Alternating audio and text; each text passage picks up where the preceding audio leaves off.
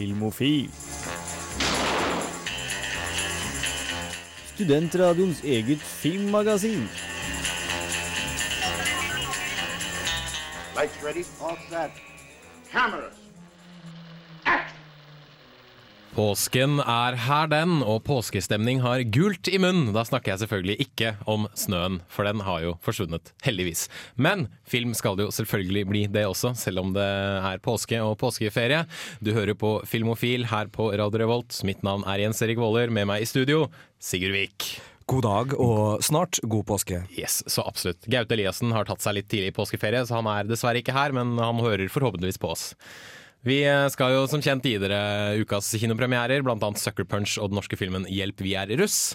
I tillegg til filmnyheter, ukas filmlåt, videopremierer, og vi skal også snakke litt om utvalgte påskefilmer. Men vi må jo også høre litt musikk også. Her får du Dunderbeist, Gjør som far din! Hei, det her er Josten Pedersen på Radio Revolt. Radio Revolt, 12 points. Det stemmer det, vet du. Du hører på Radio Revolt på Filmofil, og vi skal, som alltid i begynnelsen av hver sending, ha filmnyheter. Filmofil gir deg nyhender fra filmen og fjernsynets i spanende vær. Og Sigurd Vik, hva har vi aller først på plakaten? Det er jo filmnyheter vi kjører i Filmofil, men vi skal starte vår reise inn mot første nyhet i musikkens verden. Eh, der var det en liten uh, blings.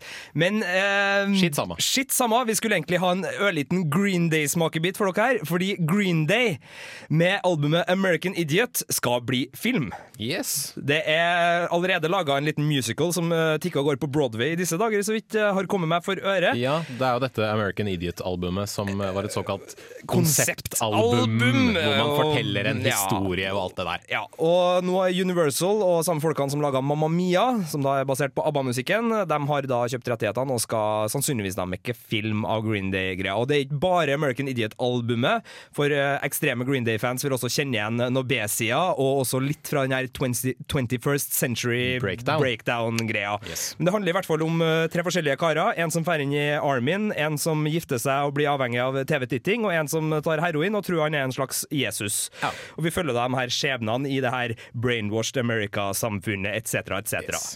Artig for teenagen. Jeg var jo sjøl tenåring da Dookie kom i 1994-95 og var veldig glad i Basket Case. Eh, Så forsvant jo Green Day eh, heldigvis fra eh, horisonten, og de dukka pokker meg opp igjen. Jeg håper jo at de rekker å forsvinne igjen før filmen kommer, sånn at det er rett på DVD og ut, men det er en personlig betraktning. Det er jo mulig kidsa liker det. Mest sannsynlig.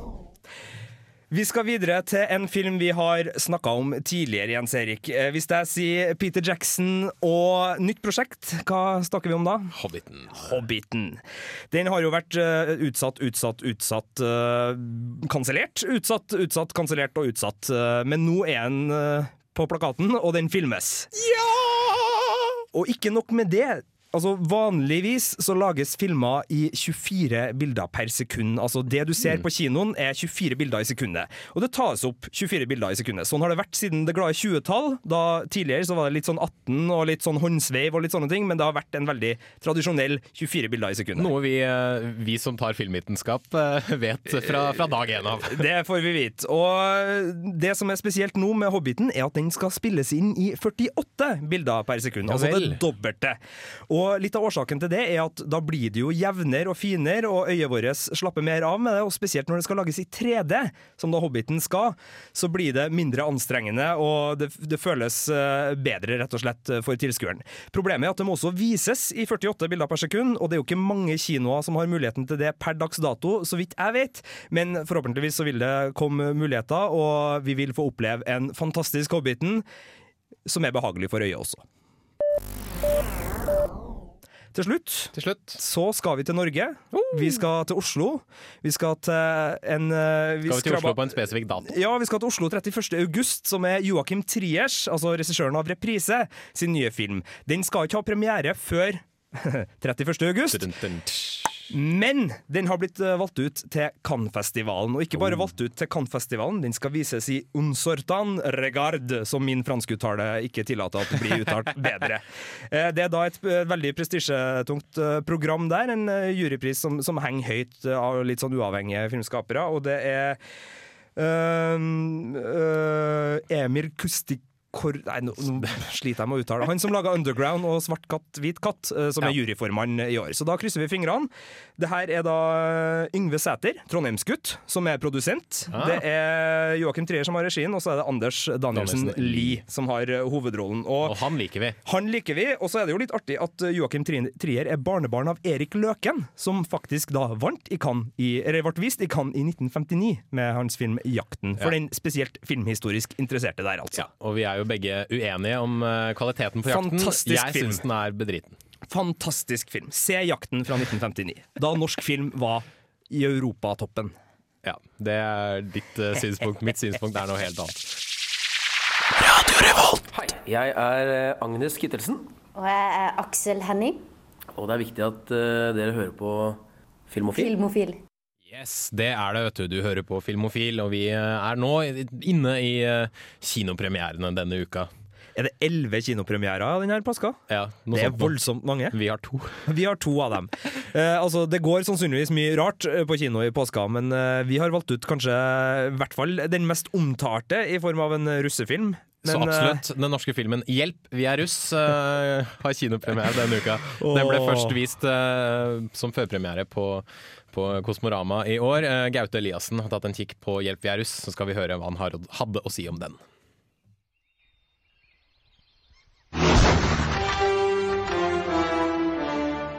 For første gang skal en film om den uforglemmelige russetida bli vist på lerretet. Tida på videregående da hun i to uker la bort skolearbeidet og la fokuset på fyll og fanteri. En tid mange assosierer med utallige morsomme øyeblikk, noe Hjelp med russ ikke gjenspeiler på noen som helst måte.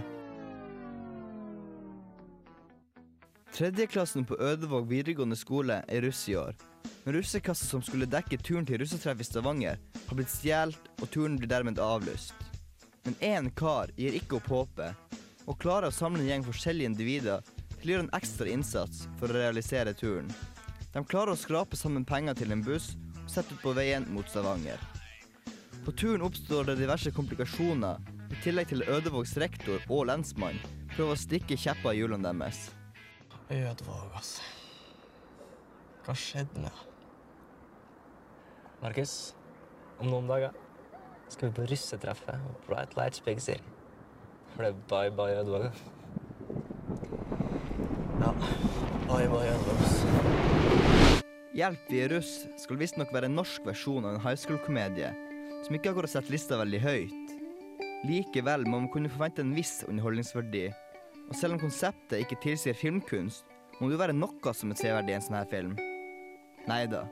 Hjelp, vi er russ er ubrukelig fra begynnelse til slutt. Eneste jeg kan tenke meg, er at filmen er skrevet i fylla, da man er kommet til et punkt man syns alt er artig, selv om det i realiteten ikke er det. Kurt Eilif. Perfekt. Han her kan helt sikkert hjelpe oss. Ja, hjelp oss. Hjelp oss til å bli lampeskjerma og kebabkjøtt, kanskje? Kurt Eilif? Hallo, fyren kunne like godt hett Leatherface. Ikke si sånn, da. Ja, hold kjeft for en gangs skyld, Robert. Slapp av, du har yoga. Skuespillerne kommer med påtatte og dårlige vitser uten punchline, og situasjonene de havner oppi, er verken morsom eller oppfinnsom. Det hjelper heller ikke at de har fått med litt mer etablerte skuespillere, som f.eks. Are Kalve og Kristoffer Joner. Joner i sin rolle som psykotisk pervo er mer ekkel enn morsom, og Kalve som en streit rektor klarer heller ikke å utstråle noe som kan bli kalt god humor. Hei, kan du stoppe bussen?!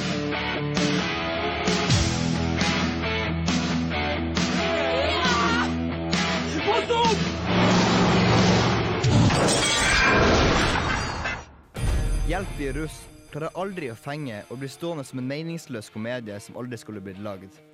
Så ikke sløs tida bort på denne filmen. Men du sjøl er en dritings russ på et seint nachspiel. Terningkast én. Nei. Det blir vel å eh, dra hjem og runke alene som vanlig.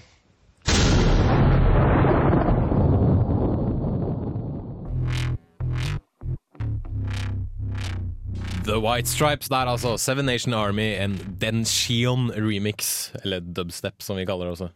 Kanskje. Kanskje. Ikke vi, da, men de som kan musikk. Vi kan film. Det er derfor vi, Vi kan film, Ja. Og en annen film som har premiere nå for tiden, er Sucker Punch fra Zack Snyder.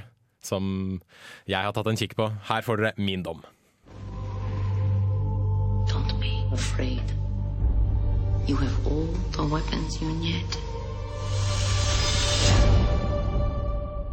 Your fight for survival starts right now.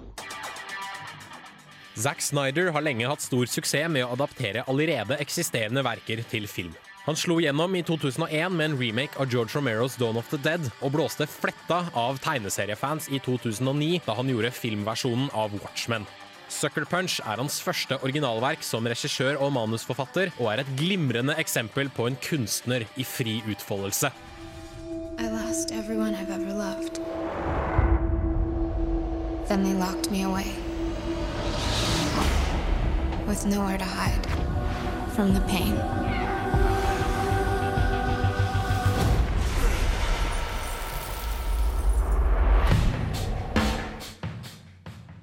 20 år gamle Babydoll blir tvangsinnlagt på Lennox sanatorium av sin alkoholiserte stefar etter sin mor og søsters død.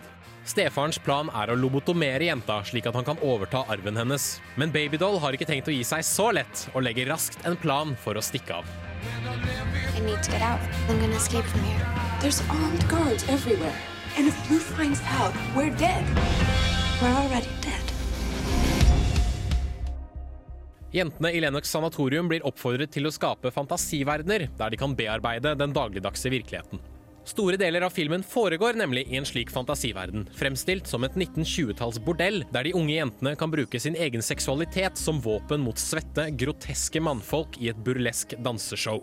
Videre skaper jentene fantasiverdener i fantasiverdenen, der rømlingene er soldater i en imaginær krig som en visuell representasjon for de ulike oppgavene de må løse. To reach your own paradise, just let go. What you're imagining right now, you control this world. Aldri før har så mye nerdesnacks vært stappet inn i en film på to timer. Heite jenter i korte skjørt med svære geværer og japanske sverd? Check. Ildsprutende drager? Check. Gigantisk mekanisk rustning med kanindekor? Check. Steampunk-zombier? Check. Futuristiske roboter? Check. Kjempesamuraier med maskingevær? Dobbeltsjekk. Kampsekvenser som går way, way, way over the top? Trippel, jackpot, ultra, combo, check. Sucker Punch er det du ville fått om Terry Gilliams Brazil gjorde Alice in Wonderland gravid, mens de begge sniffet amfetamin fra sidene til en japansk tegneserie.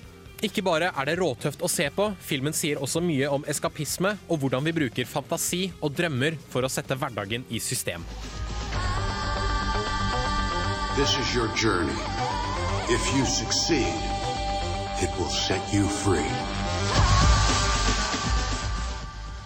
Snyder har virkelig lagt alt av sin kreative sjel inn i Sucker Punch og vrir verdi ut fra hver eneste dollar i budsjettet. Lydsporet blir dessverre slitsomt til tider, og slutten kommer til å irritere og forvirre mange, men bildekomposisjonen er nydelig, kameraføringene stødige og klippingen fenomenal. Sleng på spesialeffekter uten sidestykke, en historie som fungerer på mer enn ett plan, og du får en klin gæren, men pokker så underholdende og velfungerende actionfilm av den sjeldne sorten. Terningkast fem.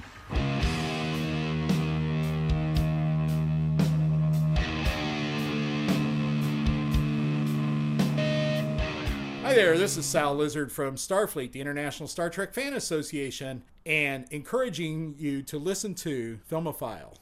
Og fra nerdestoff til kampsport, for nå skal vi til ukas filmlåt. Som jeg har tatt med meg i dag. Ja, og jeg står og gliser, for jeg ser hvilken låt du har tatt med deg. Og jeg er jo en, en, en gammel mann blitt i, i, i studentsammenheng. Og det her er jo en film jeg vokste opp med, som jeg hadde på en opptakskassett, VHS, som ble spilt om og om og om igjen. Det var rett og slett det tøffeste jeg hadde i samlinga mi, og da skal vi til Karate Kid.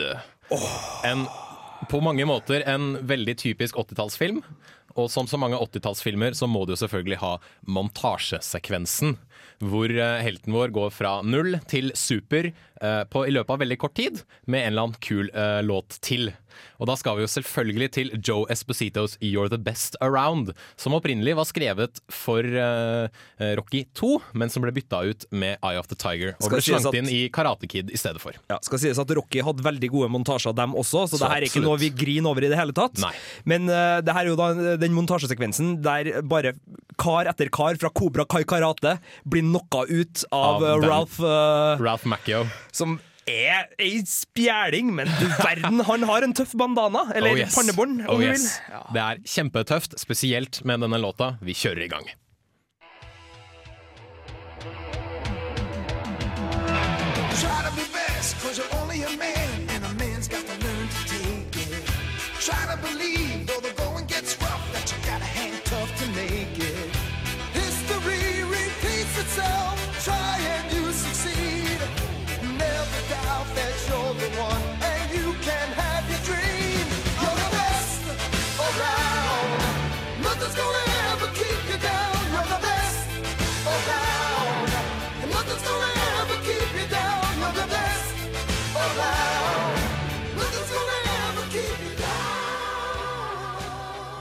Filmofil? Jeg er ikke filmofil. Nei, men det er jo vi, og du hørte nettopp Joe Esposito med You're The Best Around. Så, og Karate Kid var faktisk den første uh, filmen jeg så i 2011 på et uh, litt slitent, uh, en litt sliten eh, første nyttårsdag. Men nå skal vi til eh, påsken. Hva er sentralt i påsken? Jo, det er jo eh, mord og mysterier av en eller annen merkelig bisarr grunn her i Norge. Så vi i Filmofil tenkte vi skulle gi dere litt sånn påskefilmanbefalinger. Sigurd, hva Ja, har du? eh, kan, eh, jeg kan starte med å, å gi en liten anbefaling av det jeg syns er det beste man kan se på TV i påska. Både på film og i TV-serie så er det her en detektiv som fungerer utmerket. Og jeg tror vi rett og slett bare skal, uten å introdusere noe mer, bare høre litt på han.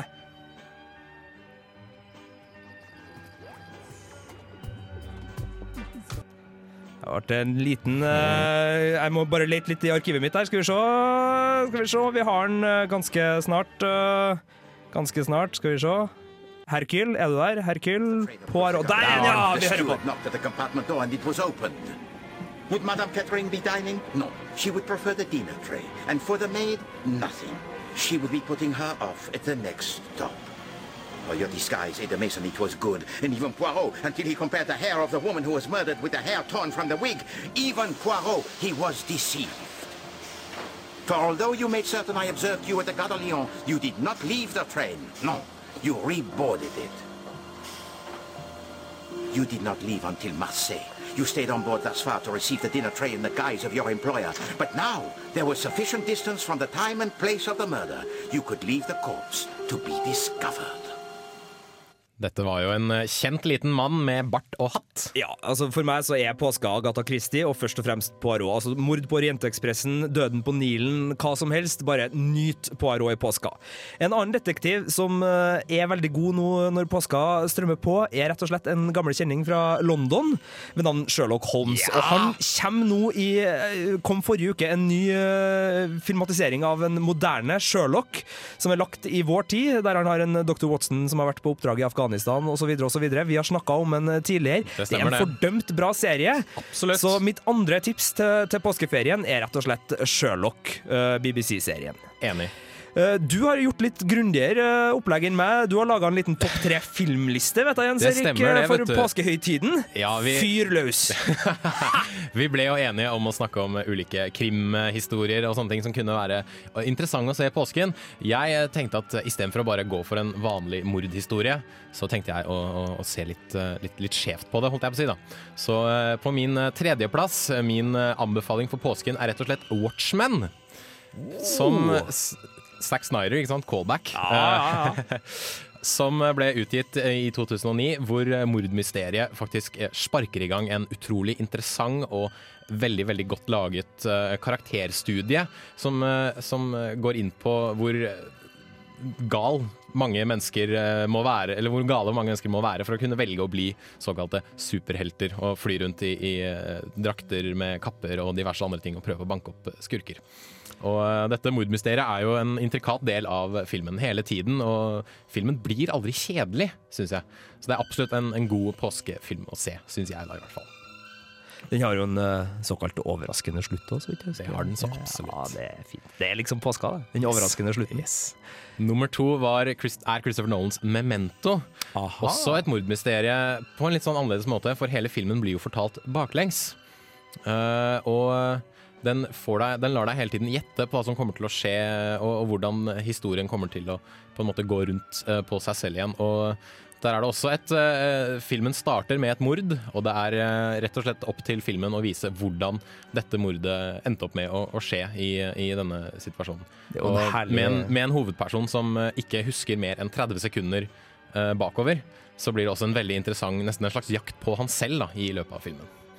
Min førsteplass er en, en godfilm på alle mulige måter. The Usual Suspects. Fabelaktig sak. Et mysterium som ikke bare har med mord å gjøre, men også med eh, litt karakterer og, og hvordan man gjemmer seg, og hvordan man bruker misdirection og, og uh, ulike måter å rett og slett flytte, uh, flytte mistanke fra seg selv over på andre.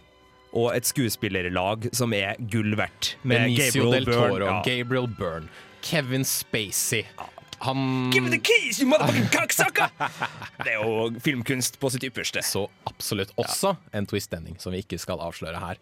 Men eh, vi skal gå litt videre ved å høre litt grann mer musikk. Og når vi kommer tilbake, etter å ha hørt Mathias Eik med 'Day After', skal vi ha Videonytt.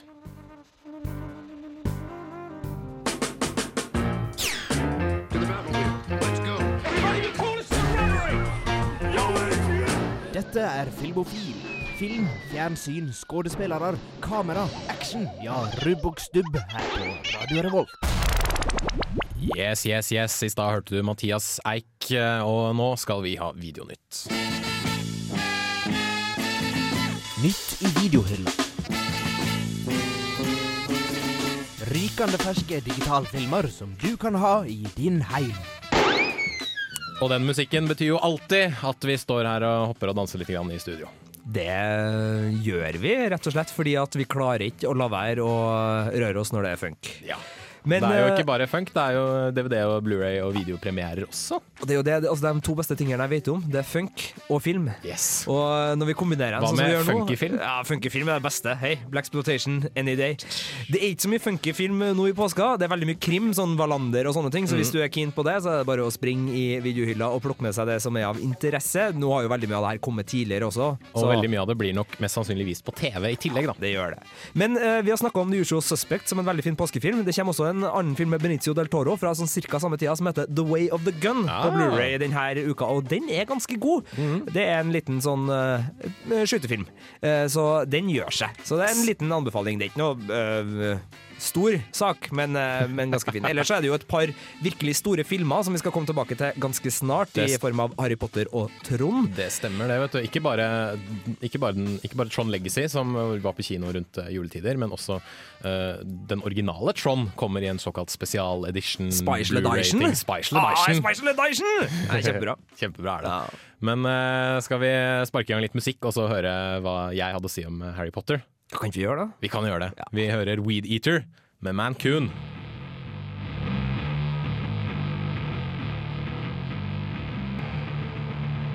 Mancoon av Weed Eater fader sakte, men sikkert ut her på Filmofil på Radio Revolt. Var ikke en film som het Cocoon? Jo. En eh, ganske fantastisk sak om eh, pensjonister som eh, fikk noe alien-aktig på et eller annet vis, og som ble forever young og for i verdensrommet. sånt. Godt mulig, jeg har ikke sett den. Jeg, Men- det, må, jeg anbefaler alle lyttere til å sjekke ut eventuelt okay. Ja.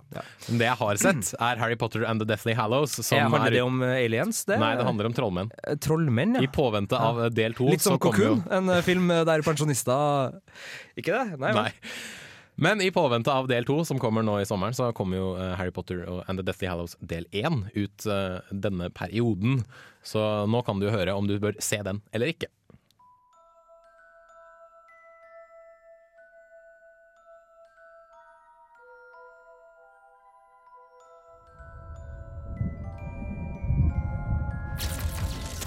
These are dark times, there is no denying. En ti år lang filmserie basert på en 13 år lang bokserie holder på å gå mot slutten. Jeg har sett hovedkarakterene vokse i stort sett samme takt som meg selv, og filmene har blitt betydelig mørkere og mer dystre ettersom årene har gått. Harry Potter and the Deathly Hallows del 1 markerer begynnelsen på avslutningen av Harry Potter-filmene. Where will he be taken, the boy? to a safe house. Most likely the home of someone in the Order. I'm told it's been given every manner of protection possible. Once there, it will be impractical to attack him. My lord, I'd like to volunteer myself for this task. I must be the one to kill Harry Potter. Etter Dumbledores død i forrige film har Voldemort gjentatt makten sin og herjer både i magiriket og i menneskeriket. Men så lenge Harry lever, vil planen hans alltid være uoppfylt. Harry, Ron og Hermione bestemmer seg for å lete etter de resterende bitene av Voldemorts sjel, som han har gjemt i objekter som kalles horcruxes. Ødelegger du horcruxene, ødelegger du Voldemort. What part of this isn't living up to your expectations? Did, did you think we were going to be staying in a five star hotel, finding a Horcrux every other day? You thought you'd be back with your mum by Christmas? I just thought, after all this time, we would have actually achieved something. I thought you knew what you were doing. I thought Dumbledore would have told you something worthwhile. I thought you had a plan. I told you everything Dumbledore told me. And in case you haven't noticed, we have found a Horcrux already. Yeah, and we're about as close to getting rid of it as we are to finding the rest of them, aren't we?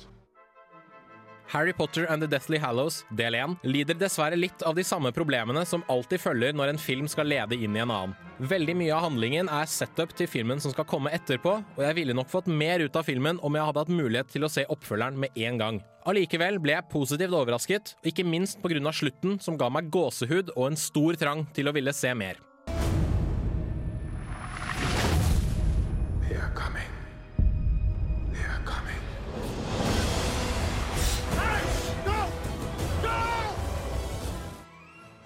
Selv om Deathly Hallows skulle bli slutten på serien, er det godt å se at skuespillerne fortsatt gir det de har å gi i rollene sine.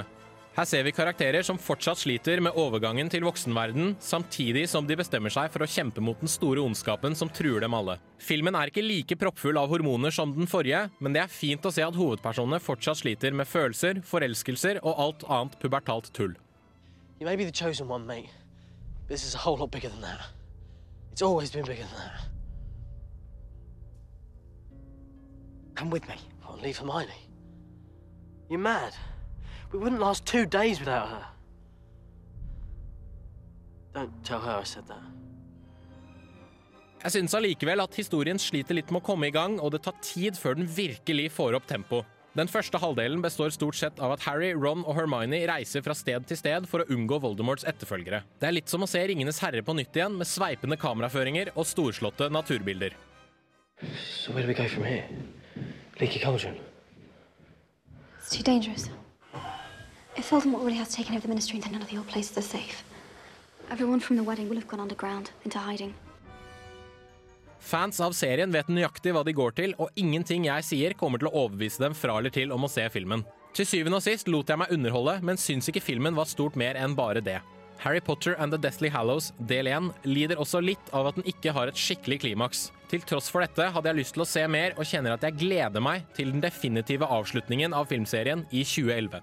Terningkast fire.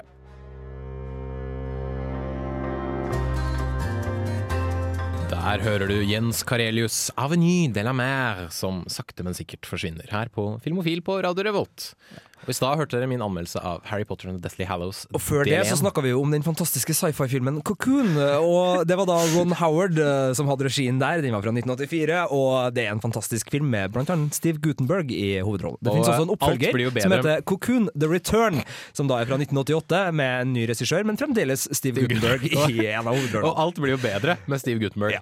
Tilbake til Harry Potter, som Yes. da er eh, ukas desidert største filmslipp. Jeg var på Bunnpris i går. Der var det en vegg av Harry Potter på DVD, på Blu-ray. Det er kampanjer. Den har blitt sluppet før releasedatoen. Fagbladet Release, eh, som er videobransjen sitt fagblad, fortviler over eh, forhandlere som bryter sperrefristen, altså selger filmen før den egentlig slippes. Fy, fy, fy, Og det er rett og slett eh, filmbonanza i butikkene når Harry Potter selges. For det her Men- er butikk, altså. Det har jo i flere år vært Warner Brothers store eh, pengemaskin, da, på en måte. Og det virker jo som om de prøver uh, med veldig mange andre filmer å sette i gang en ny pengemaskin. Da. Jeg tror blant annet det er det de forsøker med den nye Supermann-rebooten som Zack Snyder igjen skal uh, lage til neste år.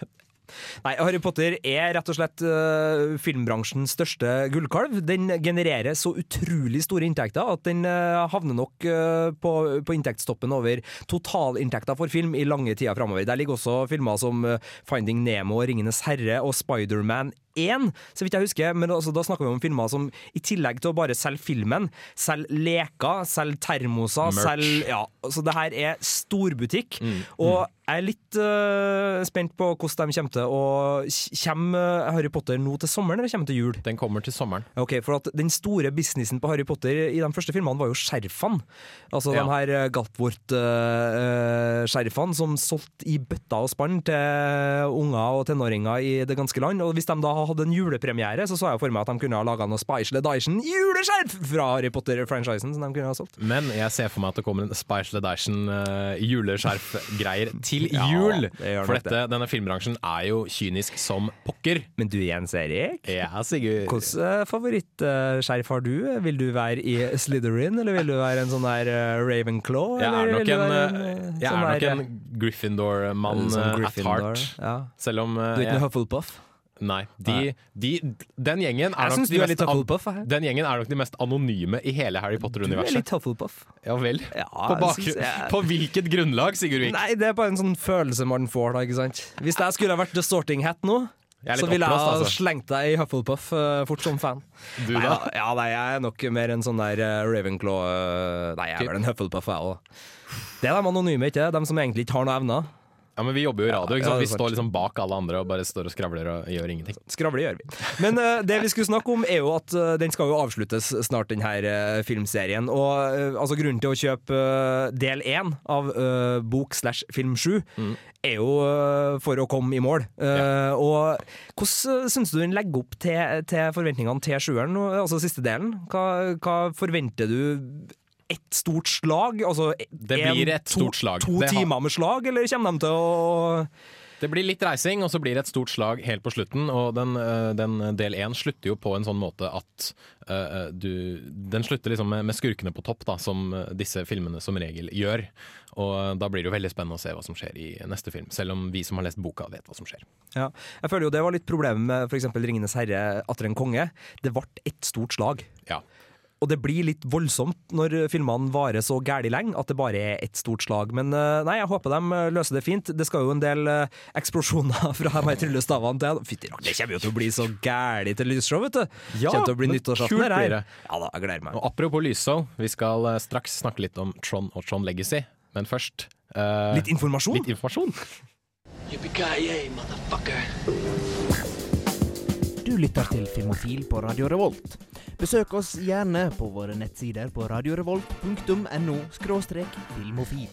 Der finner du meldinger av kino- og videopremierer, og i tillegg podkast av alle våre sendinger. Har du ris eller ros, tips eller triks, kontakt oss gjerne på elektronisk post. Filmofil, krusedullalfa, radiorevolt.no. Yes, vi er tilbake, vet du. Tron og Tron Legacy. Ja, for vi har snakka en del om sci-fi-filmen Konkun uh, tidligere i sendinga. Og nå skal vi snakke om nok en uh, Ja, regissert av Ron Howard med Steve Gutenberg uh, på rollelista. Det fins også en toer, Konkun Ja. The Return, som også har Fortsatt med Steve- Gutenberg Guttenberg på Men ikke. Ron Howard som regissør. Nei. Ron Howard har jo laga blant annet uh, de her Da Vinci-koden og den her eh, eh, Engler og demoner, men vi skal nå snakke om Trond. En, eh, ikke en fyr, men en film. Litt av et hopp fra engler og demoner til Trond men Eh, greit nok. fiksjon. Sci-fi- Sci-fi-filmer med Jeff Bridges i hovedrollen. Flott fyr. Ah, liker det. Kjempeflott fyr. Og ikke minst uh, The Dude-rollen kommer tilbake i Tron Legacy. Så hvis du noen gang har villet se The Dude som Jedi, Tron Legacy er filmen å gå til. Jeg gleder meg. Altså, det, det tøffeste jeg vet av plagg, er jo den der Trond-drakta. Som uh, da han eh, Trond-fyren på YouTube hadde på seg, som er en sånn uh, Tron Guy, ja. Trond Guy. Ja, denne hvite spandex-aktige ja. greia Finns med masse lys. Um, den har blitt litt eh, oppdatert. Nå er de dessverre sorte og har veldig mye sånn lysstreker på seg. Eh, men eh, det er fortsatt Tron-aktig. Tron-linjene er der. Det er veldig mye neon, veldig mye sterke og glorete farger, sånn til en viss grad. I hvert fall i originalen. I oppfølgeren så er det litt, litt penere, litt, vel- veldig mye CGI-runk, for å si det på den måten. Men det er pen CGI-runk. CGI-runk for den uinnvidde tilfeldige lytter er da spesialeffekt-runking, blir det? Yes, det er det det blir. Du, det kommer både en original og så kommer den nye oppfølgeren som da har videopremiere denne uka. Det stemmer det. Eh, Fortell meg litt om disse Trond-filmene. Nei, det er jo I den første Trond-filmen så blir eh, Jeff Bridges eh, karakter, hvis navn jeg nå glemmer, dessverre, blir kastet inn i en dataverden uh, som eksisterer separat fra vår egen, hvor dataprogrammer fremstår som, som menneskeaktige skikkelser. Og uh, her må han, han må finne en måte å komme seg ut, og da får han hjelp fra dataprogrammet Tron, som er et eh, såkalt vaktprogram, eller et sikkerhetsprogram. En, en antivirus, om du vil. Ja, ingen hjelp fra Word Perfect 5.1, for Nei, eller den derre bindersen. Ingenting. Eh, I Tron Legacy så blir Kevin Flynn, heter han forresten, så blir Kevin Flynns sønn Sam zappa inn i denne dataverdenen for å finne sin far, som har bodd der i eh, ja, sånn ca. 15 år. Et lite stikk. Som far så sønn der, altså. Så absolutt. Filmen med Dudley Moore i hovedrollen. Det stemmer det, vet du. Men uh, Tron, den originale, er, den, har, den ser ikke like bra ut som den en gang gjorde. Det, det er liksom, som sagt, det er veldig mye glorete, merkelige blå og røde farger. Men den er absolutt verdt å se, for den er veldig, veldig, veldig kul for de som er litt sånn sci-fi-interesserte. Tron Legacy, uh, historien er litt døv, men eh, filmen i seg selv er eh, helt OK. Terningkast fire. Hører vi litt av filmmusikken? Det gjør vi, for Ja. det var dessverre alt vi hadde tid til her i Filmofil. Men eh, for en måte å avslutte på med Daft Punk og Derezed. Ja. Yes. Skal folk kjøpe både Trond og Harry Potter, da? Ja, det bør de. Ja. Yes. Eller lei. Eller leie. Dette var eh, alt vi rakk i Filmofil. Mitt navn er Jens Erik Waaler. Takk til Sigurd Vik. Takk til dagens tekniker, Bendik Bolme. Lik oss på Facebook, facebook.com slash filmofil. Eh, Finn alle våre anmeldelser på radiovolt.no filmofil. Lik oss gjerne på gata også, hvis du går forbi. Så absolutt, ser du oss på gata, Jens Erik har briller. en klem. Eh, kunne ha vært med Ja, i Trond. ja. Uh, ligner litt på Trond Guy, han på YouTube, hvis du har sett den eh, snurten. Ja. Nei da. Nei da. Yes. Daft God påske! D-Rest, god påske. We out.